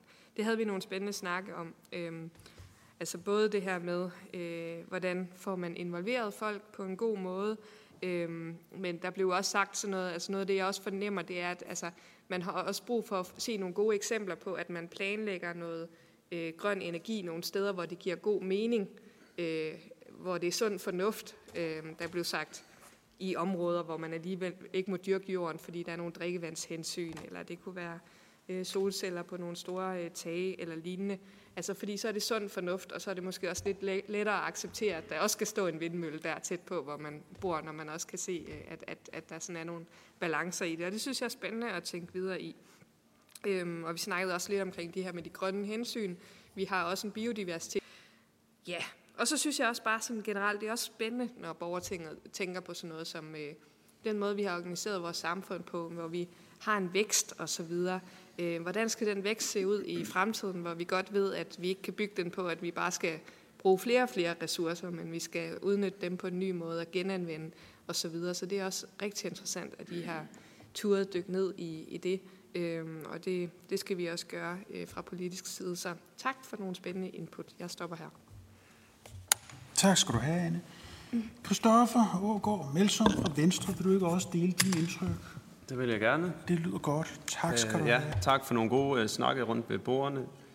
Uh, jeg vil sige, at jeg synes generelt, I, uh, I sætter uh, foden ned nogle steder, hvor uh, der måske også er, er behov for, at vi får gjort noget, uh, og som er lidt nogle ømmentær. Uh, det her med at få, uh, få gjort det lettere, selv som borger, og, at træffe klimarigtige valg, altså få en øh, mærkningsordning i gang. Det har der været snak om meget, mange år herinde, uden der er sket noget. Øh, det er vi heldigvis ved at komme i gang med, men øh, at det skal gå hurtigt, øh, og at øh, have tillid til borgerne også øh, kan finde ud af at navigere i det, øh, selvom det bliver lidt øh, komplekst. Men bare det der med, at man som borger får bedre mulighed for selv at tage ansvar. Øh, så det, øh, det skal vi ud og rampe med. Øh, jeg synes også hele øh, en snak, vi havde ved sporet derop i forhold til øh, det offentlige øh, og bygninger og kommuner, og hvordan er det, man får det højere op på dagsordenen, også når der skal prioriteres mellem energirenoveringer og øh, haller og øh, meget synlige ting. Altså, hvordan er det, vi får noget, øh, skal vi sætte nogle flere krav til kommunerne, eller skal vi have noget mere åbenhed omkring, hvem er det egentlig, der, der gør det godt, øh, og sammenligne, og måske også binde det sammen med noget økonomi. Det synes jeg også var en rigtig god, øh, nogle gode snakke, hvor jeg også synes, vi har brug for at gøre noget. Vi havde også snakket om energiforsyning, hvor vi er måske også lidt på bagkant med at få øh, lavet nogle rammer for, øh, hvordan er det, vores elnet det skal hænge sammen i fremtiden, når at, øh, når at øh, der kommer rigtig, rigtig mange flere elbiler og flere vindmøller, og hvor er det, de forskellige anlæg, de skal lægges, og hvad skal rammerne være for, at de rent faktisk kan blive vedtaget. Øh, det er også noget, vi diskuterer i Folketinget for tiden, og hvor jeg er meget enig i, øh, at den, øh, det pres, der bliver lagt på, for at vi rent faktisk får rykket på de dagsordner, og det, det er jo så hele vejen rundt, at øh, man er meget, meget ambitiøse. Der, hvor jeg måske er, bliver udfordret mest, det er jo, når, når man begynder at snakke om man skal nå det via udvikling, eller ved at prøve at lægge nogle, øh, nogle begrænsninger ned på, øh, hvordan det er, vi lever vores hverdag. Øh, og der jeg har jeg jo en, og det er jo også en rød-blå debat herinde i et eller andet omfang, eller også en politisk debat, altså globalt flytter vi mest, hvis vi får udviklet nogle nye teknologier, vi kan eksportere, eller giver det også øh, god mening, at vi prøver at kigge på, at, øh, at vi skal vise, at man kan lave en samfundsmodel, hvor at, øh, man også godt kan skrue lidt ned for tempoet for at nå nogle af målene. Øh, og der er i hvert fald nogle ting, hvor jeg ikke sådan, jeg skal hjem og læse på, øh, hvor jeg nok ikke en til en kan være helt enig med alle anbefalingerne. Men det er jo også godt at blive udfordret. Så lidt i forhold til det overordnede, vi snakkede om, at, øh, at der var der et ønske om for mit bord, at, øh, at man en anden gang øh, får det koordineret på en måde, hvor det måske er, at der er lidt større politisk øh, øh, opbakning til det, og lidt flere politikere, der deltager. I hvert fald øh, dem, jeg snakkede med, de øh, var meget på at sige, hvis det var det, der skulle til, før politikerne også vil engagere sig og tage dialogen, så var man også villig til, at man for eksempel kunne lægge det en hverdag øh, og tage en dag ud af kalenderen, fordi man brænder for det her område og har brugt meget tid på det. Øh, så fordi, altså mit helt klare indtryk er, at grunden til, at vi ikke er så mange, der dukker op, det er, at øh, der er rigtig mange, der øh, tager hjem til familierne i weekenderne. Og jeg tror på, at, øh, at langt flere fra Folketinget vil møde op, hvis man for eksempel lagde det de dage, hvor vi normalt har udvalgsmøder. Men øh, det er også lidt input til, til os heroppe og til, til administrationen, fordi jeg tror, det er jo en god mening for, at I skulle kunne få en hverdag til at hænge sammen. Man har valgt en weekend, øh, går ud fra, øh, men det var i hvert fald... Det kan jeg bekræfte. Det var ikke det, den prioritet, som øh, man var enig med ved mit bord i hvert fald. Jeg synes, man, vores fremmøde havde været vigtigere end deres øh, bekvemmelighed, øh, og det betyder, det viser jo, at det er nogle folk, der brænder for det, der er med herinde. Tak for det. Torsten Geil fra Alternativet, vil du også? Jamen, jeg er også pinligt berørt over det politiske fremmøde. Og de har bare stille. Altså weekend, eller hverdag, eller påske, eller højtid. Øh, det er, øh, det, det, de, altså, det er simpelthen utroligt, at vi står foran tidernes største udfordring. Og så kommer der så god kvalificeret bud på det, og så kan politikerne ikke finde ud af at møde op. Så det er jeg sgu også bekymret over.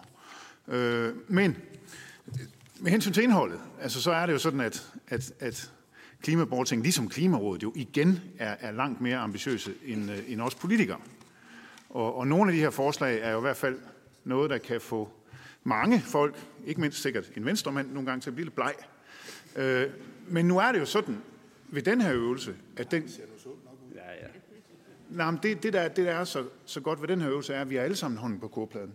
Så i stedet for den der normale, hvor vi bare kan sidde og, og, og, og skændes og, og, og give en anskyldning for alting, så er vi jo tvunget til at søge sammen i forhandlingslokalet og løse det.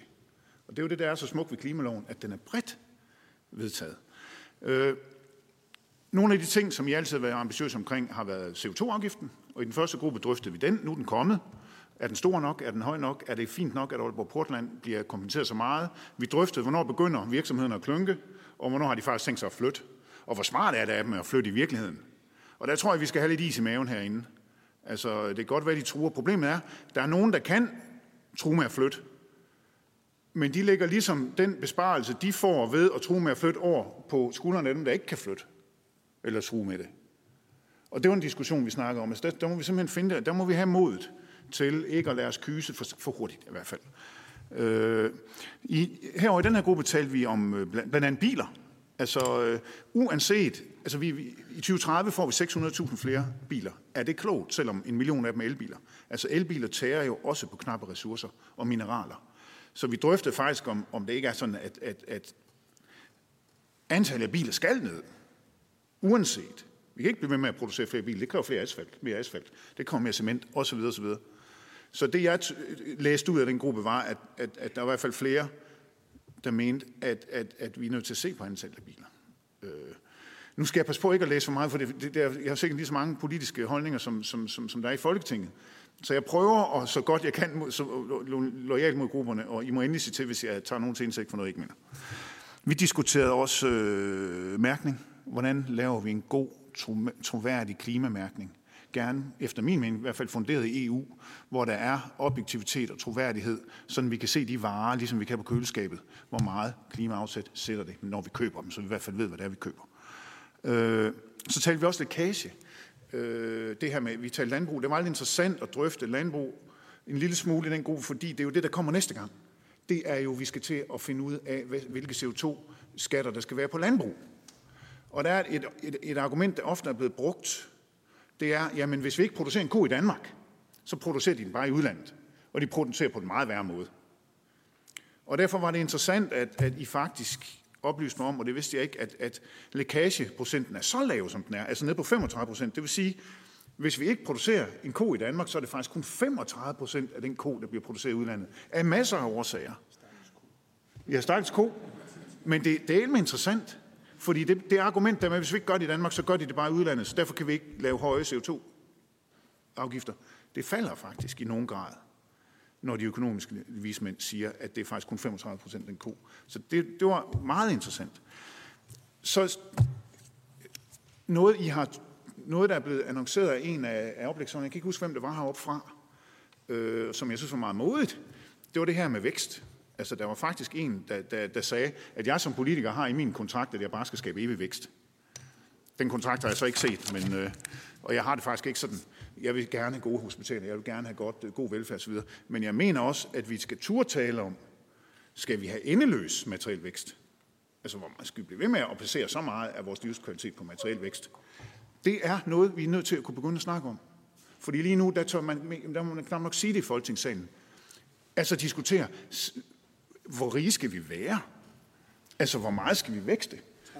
30 sekunder. Fedt, at, I, at, I, at Klimaborting har taget det op. Øh, jamen, så, så når jeg ikke meget mere.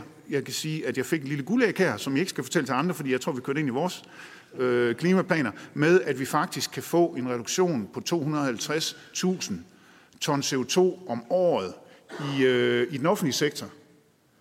Det har jeg ikke hørt før. Det er, altså, det er til sammen på otte år så meget, som de store klimaaftaler giver. Og til allersidst diskuterede vi jo atomkraft herover. Og jeg tror, der var en vis enighed om, det kan måske du i andre lande, men i Danmark er det ikke sikkert, at vi har brug for det, fordi vi er nået så langt. Og så til allersidst, aller, allersidst, så, med, så var det faktisk et rigtig godt indspil omkring, altså vi er jo dem, som skal lave den teknologi, som resten af verden skal leve af. Vi skal kunne skabe know-how, vi skal kunne skabe kreativitet. Og du som arbejder i en børnehave siger, at det er det, vi gør. Er det det, vi gør i børnehaverne? Skaber vi det rum, der gør, at, at børnene har lejlighed til at udvikle kreativitet? Alt politik er grøn politik. Tak skal tak. du have, Torsten. Undskyld, det blev så langt. Tak skal du have, Torsten. Det var jo ikke langt på den måde, vi er bare løbet tør for tid. Før vi slutter den formelle del af mødet, mange tak, fordi I er kommet. Og vi kan jo diskutere, om vi hellere skulle have gjort det på en hverdag eller en søndag, om der skulle være flere eller færre. Jeg har i hvert fald haft vanvittig glæde af det, og mange tak, fordi I har været her alle sammen. Det har været interessant og udbytterigt for mig. Jeg håber, det også har været det for jer. Det er vigtigt, at vi holder liv i den demokratiske debat, og alle stemmer bliver hørt i klimadebatten, og det synes jeg, I, er, I meget høj grad er med til. Og det, tak for det, vi har nået, og vi prøver selvfølgelig også at lære af det og gøre det endnu bedre i fremtiden på forskellige vis. I kan nu gå ud foran landstingssalen og få lidt frokost. Der er tid til at fortsætte snakken der. Men vi lukker for tv-optagelsen nu. Og så siger jeg jo bare mange tak for i dag.